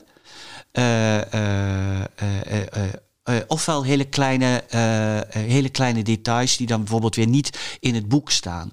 Waardoor je dus ehm, krijgt dat het verhaal wint aan, eh, aan, aan dimensie, aan, aan, zeggingskracht. aan, aan Ja. nou, zeggingskracht, grootsheid. Het is net of, dat, of het verhaal daardoor groter wordt. Hè? Want je ziet bijvoorbeeld de keuze die hij heeft gemaakt. eh, een van de keuzes die hij heeft gemaakt in de structuur van de tekeningen. is dat hij laat om de zoveel tijd laat hij een spread terugkomen van een eh, broer. die op weg is naar de oorlog. Ja. En die broers die worden steeds jonger en kleiner. Die verdwijnen ook steeds meer in dat, in dat landschap. Dat is een toevoeging die hij doet, die iets teweeg brengt, volgens mij bij jou als leger, als kijker, wat, eh, wat, wat het verhaal nog meer eh, eh, verdiept. Ja. Ehm, dus ik kan het me niet voorstellen zonder dit, Nee. zonder het aspect. Het, het, van was een, het was een advocaat van de duivel vraag, want ik kan, ik kan me dat namelijk ook nee, maar niet toch meer was dat van tevoren dus ook niet zo. Bedoel, Je bent begonnen gewoon met schrijven en Ja. blijkbaar heeft iemand gezegd, of heb je dat zelf gezegd van hé, hey, en hij was nog niet eens zo heel bekend. eh, Toen, het Torto Toen, is zijn debuut, toch? Eh, Torto is zijn, ja, zijn, de- ja, zijn, dus hoe, zijn de- hoe heb- debuut. kwam je hem tegen op de fiets? Ehm, hij, was toen, hij had toen net volgens mij de Fiep Westendorp prijs gewonnen. En Dick Zweekhorst van uitgeverij Querendoor, die was eh, naar een tentoonstelling geweest. Ik had dit verhaal ingeleverd en Dick had gezegd... ja, we kunnen eigenlijk van alles met, met dit boek. We moeten eens nadenken over wat we zouden willen. Eh, ik had een illustrator gezien... En daar waren we in eerste instantie mee aan, in zee gegaan. Maar dat was niet wat, wat ik en, en trouwens Dick ook niet ervan wilde. We wilden iemand die autonoom, een autonoom kunstenaar, die er dus daadwerkelijk iets anders tegenover zet dan ik ga illustreren wat er al Ja. staat. Ja. En dat klopte meteen zo wonderwel goed dat voor het vervolg het eigenlijk ook geen vraag was van hoe gaan we dit doen. We wilden dat het echt een ander boek werd. Het hoeft nu niet dezelfde vorm te krijgen, maar wel. En daarin heeft hij ook echt een totaal andere insteek ge- gekozen. Ja, het is inderdaad wat je zegt, een beetje de verstilling die Ja. eh, heeft opgezocht. Hè? De wijdheid ook van allerlei beelden van, dat, van, dat, van, dat, van die woestijn en bosgebieden waar je inderdaad in de verte steeds figuren ziet Ja. lopen. Je ziet eigenlijk nooit personages dichtbij. Hè? Op Nee. de wolf na dan. Maar, Hij eh, kiest er niet voor om dat te laten zien, maar hij kiest ervoor van wat heeft het nodig. Bijvoorbeeld ook eh, die broers schrijven brieven en hij laat al die enveloppen zien. En die enveloppen zeggen weer zoveel over die broers. Ja, dat, dat spel, zeg maar, bij, dat je leest en kijkt en dat je op die manier een verhaal formeert, ehm, dat zou wat mij betreft veel vaker Ja, het gebeuren. is ook meer eigenlijk, hij maakt echt beelden. Hè? Hier staat met illustraties, Ja. wordt weer vol bedaan. Maar bij illustraties stel ik me toch altijd wat meer voor dat er tekeningen bij het verhaal staan. Maar, hij- Maar dat is niet wat, hij, niet wat toets. hij doet. Nee. En, de, en de traditie laat zij ook iemand. Eh, ja, maar dit is zo net zo goed een boek voor eh, volwassenen. Je krijgt natuurlijk het eeuwige van is het Ja, een boek voor ja, volwassenen of niet. En toen zei ik, ja, maar dat maakt niet uit. Het treurige is, als je kijkt naar boeken voor volwassenen, is dat wij helemaal zijn vergeten dat volwassen boeken ook enorm kunnen floreren door dat ze- Illustraties, door, door, door ja. illustraties. Die, die traditie is er ooit geweest. Hè, denk maar aan de, de oude uitgevers van de, van de Drie Musketiers en zo. Er zaten van die lithografieën in. Ja. Eh, maar eh, en, eh, ik weet, zover ik weet, is dat in Nederlands nauwelijks een traditie. Ik weet bijvoorbeeld in Spanje gebeurt dat meer. Dat voor boeken voor volwassenen ook geïllustreerd worden. Maar waarom zouden volwassenen wel naar musea gaan en geen boek kopen Nee. waar ook beeld in zit? Nee, ja, goed. Wij, je hoeft ons niet te overtuigen, want Nee, dat, ik zijn tegen jullie ook niet. Nee. Maar, Nee. Als jij even je koptelefoon Ja. opzet, dan gaan we even eh, luisteren naar de beeldenmaker waar we het steeds over, Oh, eh, over hebben. Hij heeft even iets eh, ingesproken. Hoi Benny, ik moest terugdenken aan de eerste keer dat ik je verhalen mocht lezen bij zowel Torto als de hele verhalen. En ik vind het heel opvallend dat dat, dat heel, hoe zeg je dat, herinneringen zijn waarin alles is opgeslagen. Ehm, bij allebei die keren ben ik niet gaan slapen voordat ik het verhaal uit had. En dat gaf me weer het gevoel van vroeger, toen ik verhalen ook belangrijker vond dan slaap. En daarom een eh, handdoek oprolde en daarmee de kier onder de deur dichtstopte, zodat mijn ouders niet zouden merken dat het licht nog brandde. Sommige verhalen hebben dat effect. Die kunnen eh, magnetisch zijn of, of verslindend of zo. Dus ik werd gelijk aangetrokken door het verhaal. En als tekenaar zoek je altijd de ruimte. En dan is het ook heel erg fijn als je die ruimte ook krijgt. Nou, dat is bij ons zeker het geval. Eh, je bent altijd heel erg gul geweest met het geven van die ruimte. En ook tijdens het werken merkte ik dat, ehm, dat daar een soort verwantschap is. Dat we ons vak allebei zien als iets dat zowel ambachtelijk als associatief is. Ehm, een soort proces van groeien en snoeien eigenlijk. Wat me verder opviel aan dit boek, aan hele verhalen voor een halve soldaat, is dat jij echt ongelooflijk scherpe zintuigen moet hebben. Bijvoorbeeld de verschillende beschrijvingen van geluid in het verhaal. Die eh, langgerekte, droevige fluittoon van een slee op het ijs. Het krijzend zand. eh, een pijl die een boog stil verlaat. Op een kort, droog tikje na bij het terugslaan van de pees, geloof ik. En ik vroeg me nog af, als jij een schatkist zou vinden en die was niet gevuld met zilverlingen of goudstukken, maar met geluiden, welke geluiden zouden er dan in zitten? Hij heeft goed gelezen, hè? Het ik is, raak eh, altijd heel ontroerd als ik, eh, als ik hem, eh, heeft een hem bijzondere- hoor, ja. praten. Omdat hij altijd zo... Zo'n sensitief iemand. eh, God, ja. Een kist met geluiden. welke geluiden horen thuis in jouw schatkist, Benny? Nou, er is eentje die ik meteen, die meteen in me opschiet. En dat is als je in een, eh, in een zwembad onder water gaat. En je zit, dat deed ik als kind heel graag. En eh, iemand komt dan het badtrapje af. Dan hoor je dat piepende geluid Oh, ja. van dat badtrapje wat het gewicht draagt. En dan springt iemand erin en dan, dan, hoor je dat gebruis. Ja, precies, Ja, dat ja. gebruis. En dan zweeft iemand zo, maar dat is ook meteen visueel eh, iets. Maar het geluid van dat badtrapje onder water, dat is een geluid wat mij heel blij maakt. Ja, dat Klopt dat wat hij zegt van die scherpe zintuigen? Als je dit zo vertelt, denk ik dat heb je wel. Ik zelf heb zelf, ik, ik, ik denk zelf niet dat ik meer bijzondere eh, eh, scherpe zintuigen heb of niet. Maar op het moment dat ik dingen moet vertalen in taal, dan ga ik net zo lang op zoek. Misschien ben ik eerder een volhardende zoeker naar wat is dat dan? Eh, Dan, dat, je het gedurende je leven al allemaal zo opslaat Nee, of zo. nee, ja, ja, nee. ja. Hey, Ludwig die zegt wel een paar mooie dingen. hè. Laten we daar even op doorgaan. Hij zegt dat je gul bent geweest met het geven van ruimte aan hem als illustrator. Wat bedoelt hij daar precies mee, denk je? Nou, dat ik hem zie als een, als een autonoom eh, kunstenaar die de ruimte moet krijgen om zelf eh, te ontdekken wat dit boek nodig heeft. Want ik ben geen illustrator. Ik kan wel zien, ik ben wel slim genoeg om te zien wanneer een illustratie iets doet. eh, in, in dat spel, zeg maar. Het gaat eigenlijk het spel tussen beeld en, en, en, en, en tekst. Maar ik laat het helemaal aan hem over. En dat doet trouwens eh, de, de uitgeverij ook. Met welke beelden hij komt en, en de weg die hij wil, wil inslaan. En eh, dit proces was voor hem een lastiger proces dan, dan, eh, dan Torto. Misschien ook al door de vorm. Van wat heeft het dan nodig? Dat is moeilijker te beantwoorden, omdat het allemaal verschillende sferen zijn. Dus voor hem was de vraag, hoe krijg ik dit bij elkaar? En daar is hij lang mee bezig geweest. Eh, en eh, eh, ook wel bij momenten dat ik dacht, oh, gaat hij daar uitkomen? Want hij kon zich zo vastbijten. Maar dan kan het ook dat je bijna geen ruimte meer hebt om, om, om, om daar een weg in te vinden. En dat, we, dat ik ook vaak in gesprek met Dick was over, nou, wat doen we ermee? En dat we iedere keer dachten, nee, hij moet gewoon die ruimte krijgen. Dit is wat een, wat een kunstenaar doet. Je kan, je kan dat niet afdwingen. Nu moet, je, nu moet het klaar zijn. Nee, Eh, dat zou andersom bij jou bij het schrijven ook niet werken. Nee, precies. Nee. nee, Ik heb ooit één keer met een deadline gewerkt en ook gezien van hoe, dat, hoe funest dat werkt. Ja. En heb je ook helemaal niet met die tekeningen bemoeid, zeg maar? Of kon je hem helpen? Of heb je... Eh, eh, bemoeien. We hebben één keer een, eh, een gesprek gehad toen hij net bezig was met, met, met schetsen. En dan bemoei ik me in zoverre dat ik hem teruggeef wat voor mij het effect is van een bepaald beeld in een tekst. Ik kan vrij analytisch denken, zowel over tekst maar als ook over beeld. En, maar daarna ook gewoon zeggen, ja, en jij moet jouw weg daarin gaan. Ik kan hoogstens zeggen wat ik heb, wat ik heb gezien. En ik heb nou ja, dus als het, als het gaat over ruimte geven, dat is volkomen eh, egoïstisch, omdat ik weet dat als ik hem de ruimte geef, dat hij ook met het beste werk gaat komen. Terwijl als ik voor hem ga bedenken wat hij moet doen, A, dat zou hij niet kunnen.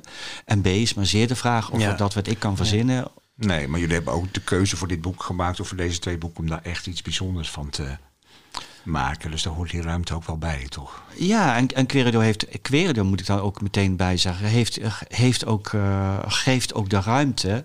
Nou, ga het maar uitzoeken. Ja. En hij zegt ook dat jullie allebei jullie vak zien als zowel ambachtelijk en associatief.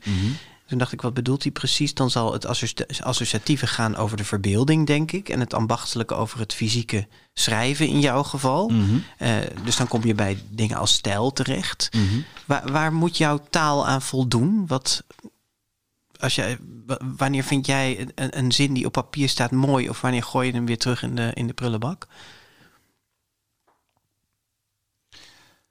Nou, dan kom ik toch weer terug op dat muzikale met de man, wiens naam we niet meer mogen noemen.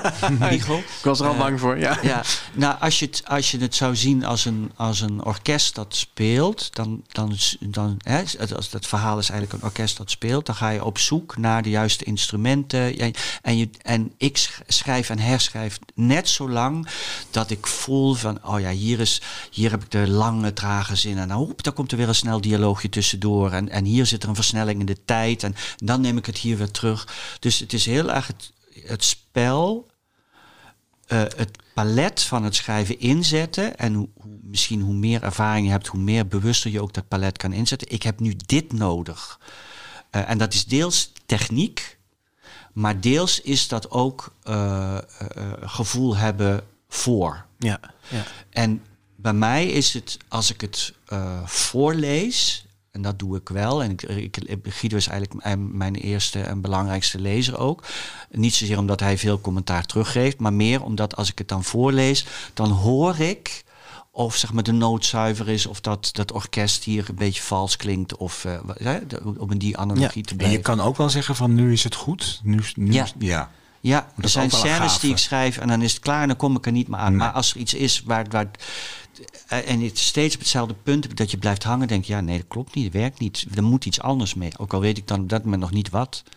Ja. Ja. Hey, eh, eh, over ehm, eh, toon, hè? dat vind ik ook een belangrijk ding in deze boeken. Want in, in Torto hing eigenlijk een soort, ja, dat ging over, echt over de absurditeit van de oorlog. Mhm. En daar hing een, ja, een soort zekere ironie eigenlijk in het Ja. boek. Hè? Ja, Eh, ook een soort cynisme soms wel. ja. Ehm, en in dit boek vind ik dat heel anders. Ehm, Ja. Is dat een bewuste keuze geweest? Om, de, om die toon anders te maken? Nee, dat is nooit een bewuste keuze, maar het is wel waar ik op dat moment aan toe ben. Daarom schrijf ik ook van, ik had Toto geschreven. Dat, dat register, zeg maar, dat heb ik dan gebruikt. Ook de, de toon heb ik dan gebruikt. En eh, ik denk dat bij deze automatisch een meer emotionele eh, ondertoon zat van, van verlies en verdriet. En, eh, en, en dat ik dat, zonder dat ik dat bewust aanstuur, maar dat gebeurt gewoon. Dat, Ja. dat, ja, dat, daardoor greep dit mij meer aan. Dat heb ik ook Ja. geschreven in mijn recensie. Hè, van, dat ik bij het vorige boek echt nou ja, fantastisch geschreven vond. En inderdaad geweldige eh, taal en, en, en noem maar op. Maar dat het voor mij door die ironie of door dat cynisme een beetje op afstand bleef. Ja. Begrijp je dat? Ja, dat begrijp ik. Dat is natuurlijk ook eh, wat. Ehm, wat, er, ik, wat ik sowieso heel, heel interessant gegeven vind is... ehm, mensen zeggen bijvoorbeeld, je hebt iets mooi geschreven... eh, maar wat er tegenover staat, is dat je een lezer nodig hebt die mooi kan lezen. Ja. Eh, eigenlijk is het contract dat jij hebt met een lezer is hetzelfde als de twee delen van, oeh, sorry, twee delen van een klankkast. Eh, ik ben een deel van die klankkast en ik resoneer iets en de lezer is, een, is het andere deel van die klankkast. En dat moet net kloppen. Eh, en dat gaat voorbij aan eh, of iets stilistisch goed is of, of iets. eh, hè, dat, dat, dat kan je nog beoordelen. Maar waarom op een gegeven moment. eh, bijvoorbeeld waarom, om, waarom eh, eh, Je wijst jij naar mij, Ja. ja. bijvoorbeeld eh, hele verhalen anders gelezen hebt. Dat vind ik een heel interessant. Want dat betekent dat er in die klankkast. Tussen dat verhaal en de lezer is iets anders gebeurd dan eh, het verhaal, zoals het verhaal met jou geresoneerd, geresoneerd heeft. Dus ik, ik vind dus de aandacht voor, voor de schrijver, eh, dat is hartstikke fijn. Maar we hebben ook mooie lezers nodig. Ja. En die moeten we blijven voeden. Eh, zodat, ze dat ook, zodat die klankkast zo goed mogelijk gevormd kan worden. Zowel ook bij kinderen, maar ook bij, bij, bij volwassenen. Als je weinig ervaring hebt, dan is die klankkast voor mijn gevoel nog niet helemaal sluitend of niet helemaal op zijn, op zijn, op zijn plek gekomen. Waardoor boeken dus eh, niet, niet binnen kunnen komen. Maar ook als sluit die klankkast, die twee delen wel op elkaar, dan resoneert nog steeds dat wat ik te vertellen heb met de wereld van eh, van, de, van de lezer. En is dat eigenlijk een unieke, eh, unieke constellatie Ja, samen. maar als ik je goed beluister, dan zeg je nu eigenlijk dat als, als het eh, hè, bij Jaap niet is binnengekomen, of bij mij eh, niet is binnengekomen, dat wij dan niet een mooie lezer zijn? Nee, of- nee, nee, nee, nee. nee volgens mij is het ja, nee, zo niet bedoel, helemaal. nee, nee, zo Nee. bedoel ik het niet. Ehm, met een. eh, eh, dus die, die- dan, dan klopt die analogie niet. helemaal. Het gaat mij veel meer over dat, dat, we het, heel- dat we het heel vaak hebben over dat om iets, eh, om iets te laten trillen als verhaal, heb je zowel die schrijver als die, als die lezer nodig. En ik denk, en dat staat even los van hoe je dat, eh, hoe, hoe iets bij, in je hart binnen kan komen, omdat de klankkast zeg maar net iets anders gevormd is, waardoor dat. Maar de stap ervoor is dat die klankkast bij kinderen bijvoorbeeld, die is zich nog aan het vormen. En als je niet een diversiteit aan verhalen aanbiedt, dat die klankkast zich maar op een bepaalde manier vormt. En dat dus Ja, ook bepaalde dingen eenzijdig tot, bijvoorbeeld. ja, Ja, tot ja. trilling gebracht worden, om, om maar in dat beeld te blijven. Ja. Maar is het dan zo dat eh, jij aan jouw kant, want je zegt net van ik kan analytisch nadenken Mhm. over, eh, en je, je voelt of je ziet wanneer voor jou een stuk eh, een scène geslaagd is of wanneer die af is. Eh, zit er voor jou dan een bepaalde bedoeling ook achter van wat je wil bereiken in die klankkast? Wa- Wat, je, wat jij hoopt dat er gaat de, gebeuren? De, de, de optimale symfonie. Je wil dat Ja. al, elk instrument, eh, zeg maar, elk zin, elke zin die je plaatst, elk beeld dat je verzint, eh, elke dramatische constructie die je maakt, dat die ook in die klankkast gaat resoneren. ja. Maar ik, misschien is dat wel zo. Dat ik voel me niet verantwoordelijk voor dat wat er in die hele klankkast gebeurt. Ik kan Ja. alleen maar mijn aandeel zo goed Ja. mogelijk doen. Ja. En dat eh, naar eer en geweten doen. Maar ik ben niet verantwoordelijk voor hoe het Dus jij iemand bent ook niet heel, niet heel erg teleurgesteld als iemand anders of een lezer of ik bijvoorbeeld schrijf van nou, ik, ik- bij mij resoneerde toch op een iets andere manier of Nou, ik schiet je eerst dood. ja. ik ben weer opgestaan. Dat, dat, eh, nee, natuurlijk, het is, het is een kindje. Dus in eerste Ja. instantie ben je teleurgesteld dat niet iedereen dat op dezelfde manier doet. Maar het, eh, ik hoef er maar tien seconden over na te denken. En dan, dan kom ik gewoon uit bij dit wat ik, wat ik nu denk. Ik, dat, dat kan niet. Je kan Nee. niet voor iedereen bepalen hoe iemand iets moet lezen of iets binnenkomt eh, eh, eh, of niet. Nee, maar dat is heeft ook wel met het soort, ik bedoel, jouw vorige twee luik, dat kwam bij mij, dat resoneerde, daar stond die klankkast blijkbaar enorm goed afgesteld. Hè? Dus dat, ja, nee, maar dat kan dus blijkbaar. En voor mij heeft dat heel erg te maken met dat, denk ik, toch veel meer mensen van vlees en bloed waren die ik Ja. voor me kon zien. Hè? Ja. Wat hier mo- moeilijker of anders is in ieder geval. Ja, Ja, ja. Nou ja, als het inderdaad, en, dat komt natuurlijk dichter bij de werkelijkheid zoals wij die nu ook Ja. nog kennen. Hè? En, en dit heeft inderdaad door die eh, die worteling in de sprookjes en de legende en de zagen heeft, kan het ook misschien voor jou dan dat meer op afstand gevoel? Ja, maar hebben? dat is een hele interessante. Want de man waar wie, van, van wie we de naam niet mogen noemen. Ja. eh, Paul die- Biegel hebben we het die- over mensen. ja. Mogen we best zeggen hoor. Ja. Ja, maar dus Als het ik is denk ook niet... over Voldemort hebben of zo. Ja, Ja, ja. Nee, maar het is ook niet zo simpel. Want het kan blijkbaar doen die, doen die sprookjes. Eh, die, die resoneren terwijl ze ook uit Ja. zo'n verbeeldingsrijke. Dus er, is, er gebeuren veel meer dingen. Ja. En ik geloof ook niet dat je ze allemaal moet of kunt gaan, eh, gaan benoemen. Maar het zegt iets over dat wonderlijke verband tussen schrijver en, en lezer. Dat wat daartussen gebeurt. En het gevoelsaspect is natuurlijk ook, ook in recensies is dat natuurlijk altijd heel ingewikkeld. Te, hè, je kunt van allerlei dingen over stijl analyseren en noem maar op. Maar uiteindelijk van wat het je doet, Ja, dat, dat is, is natuurlijk een soort eh, magisch ding in het midden, in Ja. de klankkast Ja. dus. Ja. Heren, Ja. we gaan hem wel een klein beetje afronden. Ja, wel een beetje, want, ja. We kunnen nog heel lang Nou, wat ik, ik wil wel even zeggen wat me dan in dit boek zo enorm raakte. En dat is dus die zorgzaamheid eigenlijk die spreekt uit die oudere broers. En eh, eh, ja, gewoon uit hun hele houding naar jongste broer toe. En uiteindelijk ook in wat ze voor hem willen betekenen. Wat we Mhm. niet gaan weggeven hier. Maar dat, ja, dat raakte mij echt eh, enorm. Even Ja. los nog van de individuele verhalen. Ja, en wat ik zit te denken, wat ik heel mooi vind aan dit boek, is dat we dat zei aan het begin, hè, dan maken we er ook een beetje een mooi rond gesprek van, is dat je zei, nou, je- het begint met dat die broers, die hebben niks te bieden aan die grenswachten, alleen maar verhalen. Ja. En blijkbaar wordt het geaccepteerd als is, Ja. verhaal is eigenlijk het, het Vertaalmiddel. ja, maar ook het, een groot geschenk, zeg Ja. maar, hè? Ja. Ja, dat is eigenlijk wat eh, Grossman in het begin ook in het motief ja, zegt. Dat hè? is heel eh, mooi, toch? Je betaalt met verhalen. Ja. Ja. Wa- Waarom hebben ze geen namen in dit boek? De, de jongste broer en dan oudste broer, tweede oudste broer, Ja. derde oudste broer. Zo Ja, gaat ik vond het, ik vond het al een mooi dichtelijk gegeven. En los daarvan wilde ik het, wilde ik het groter maken. Wilde ik ook iets zeggen over al die mensen die, die, eh, die een broer zijn en die iemand anders hebben verloren om het groter te trekken. En het niet te vast te pinnen op een karakter. Te particulier op de, Ja. over deze mensen Ja. te laten gaan. Ja. Waar ben je nu mee bezig? Eh, ik ben nu met iets totaal anders bezig. Ik ben bezig met het ontwikkelen van eh, scenario's. Oké. Eh, eh, ik schreef al toneel en een aantal jaar geleden is, is het schrijven van scenario eh, is op mijn pad gekomen. Zo is Torto ooit ook begonnen, geloof ik. Hè? Als Toto is als, nee, als Of- toneelstuk. Of als toneelstuk. Ja, ja, ja, ja. Dus ik ben nu bezig. Eigenlijk, dat wat ik doe, ik zeg ook altijd, ik ben misschien wel een schrijver, maar nog meer dan een, een, een verhalenmaker. En ik zoek de vorm die daarbij past. En het schrijven van een scenario was iets wat mij al heel lang interesseerde, omdat ik een grote interesse heb voor film. En ook dacht, wat levert dat op als ik eh, een verhaal moet gaan vertellen middels beeld Ja. of middels nou, En je noemt film, dat wordt het medium. eh. eh, een tv-serie of film. Dat, Ja. dat, dat zijn dingen die ik aan Nee. het onderzoeken ben. En, ja. en komt er nog weer eens iets in de pen waarover wij jou in de GVP zouden kunnen uitnodigen?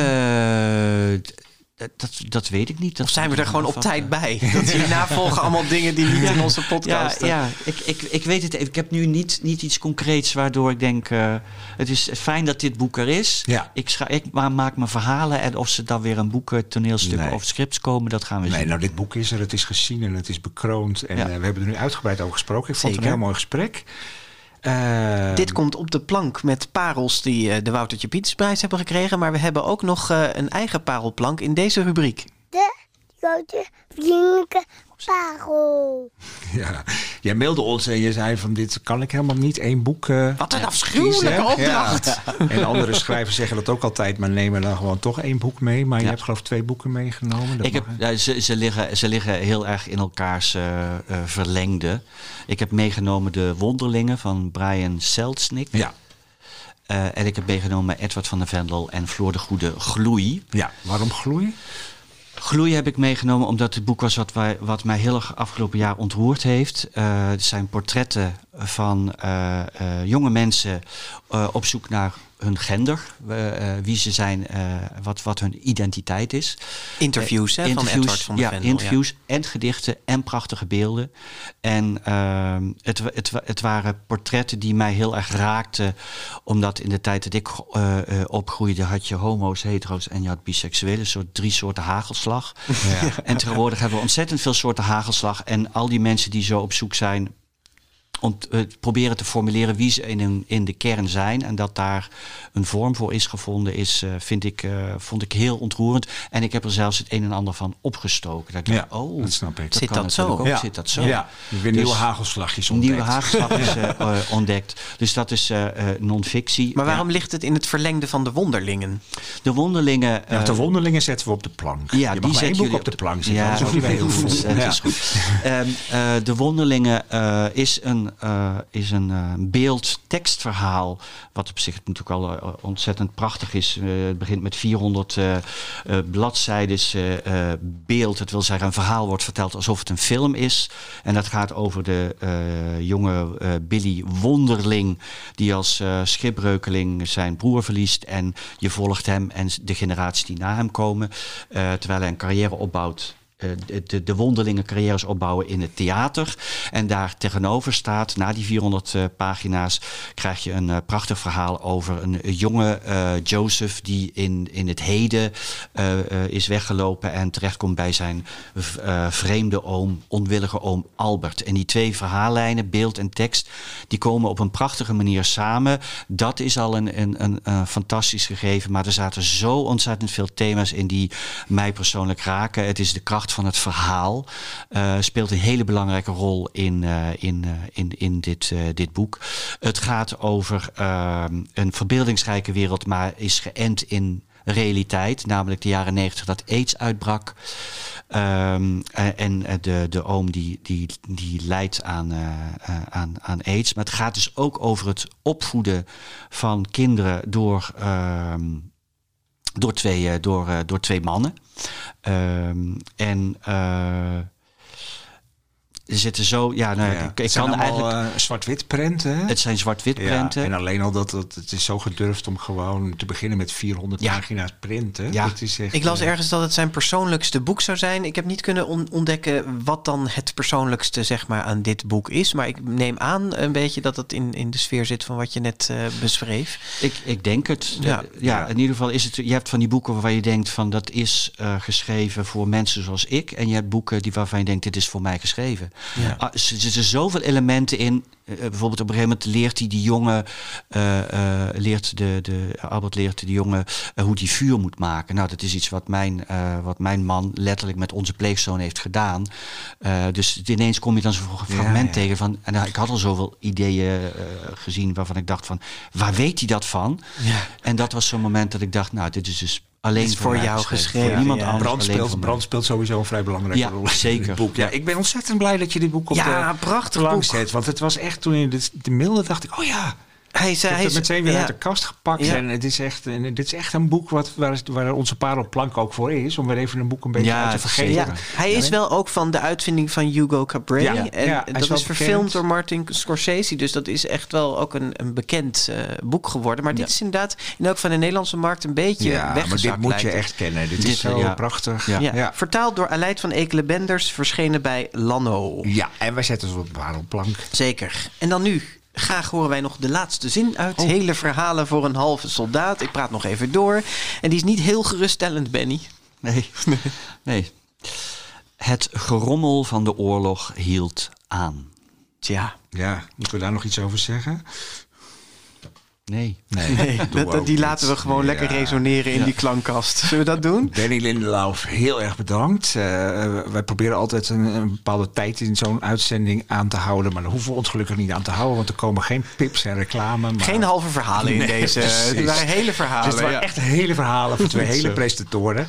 En straks ook hopelijk voor heel veel eh, hele luisteraars. Of halve mag ook. Mag ook, Ja. ja. Hey, je boek is verschenen bij Querido. En zoals we al een paar keer best veel hebben gezegd... is geïllustreerd door Ludwig Voorbeda... met wie je ook echt samen helemaal die prijs hebt gewonnen. zeker. Hartstikke leuk dat je er was. Ja, zoals Jaap aan het begin al zei, de boekwinkels in Nederland gaan weer open. En laten we hopen dat ze nooit meer dicht Nee. hoeven. En bij de bibliotheken kun je nog steeds afhalen. En daar zijn, zoals een kritische luisteraar ons in de update van april vertelde, ook de nieuwste kinderboeken Ja, te leen. ook dit boek vast wel. Ja, zeker weten. Op zondag 25 april 2021 namen we deze 43ste aflevering van de Grote Vriendelijke Podcast op vanuit kinderboekwinkel Kiekeboek aan de Gierstraat in Haarlem. Dank aan onze technicus Mark Brouwer. Half mei zijn we er weer met ons nieuwsprogramma De Grote Vriendelijke Update. Tot dan. Tot dan.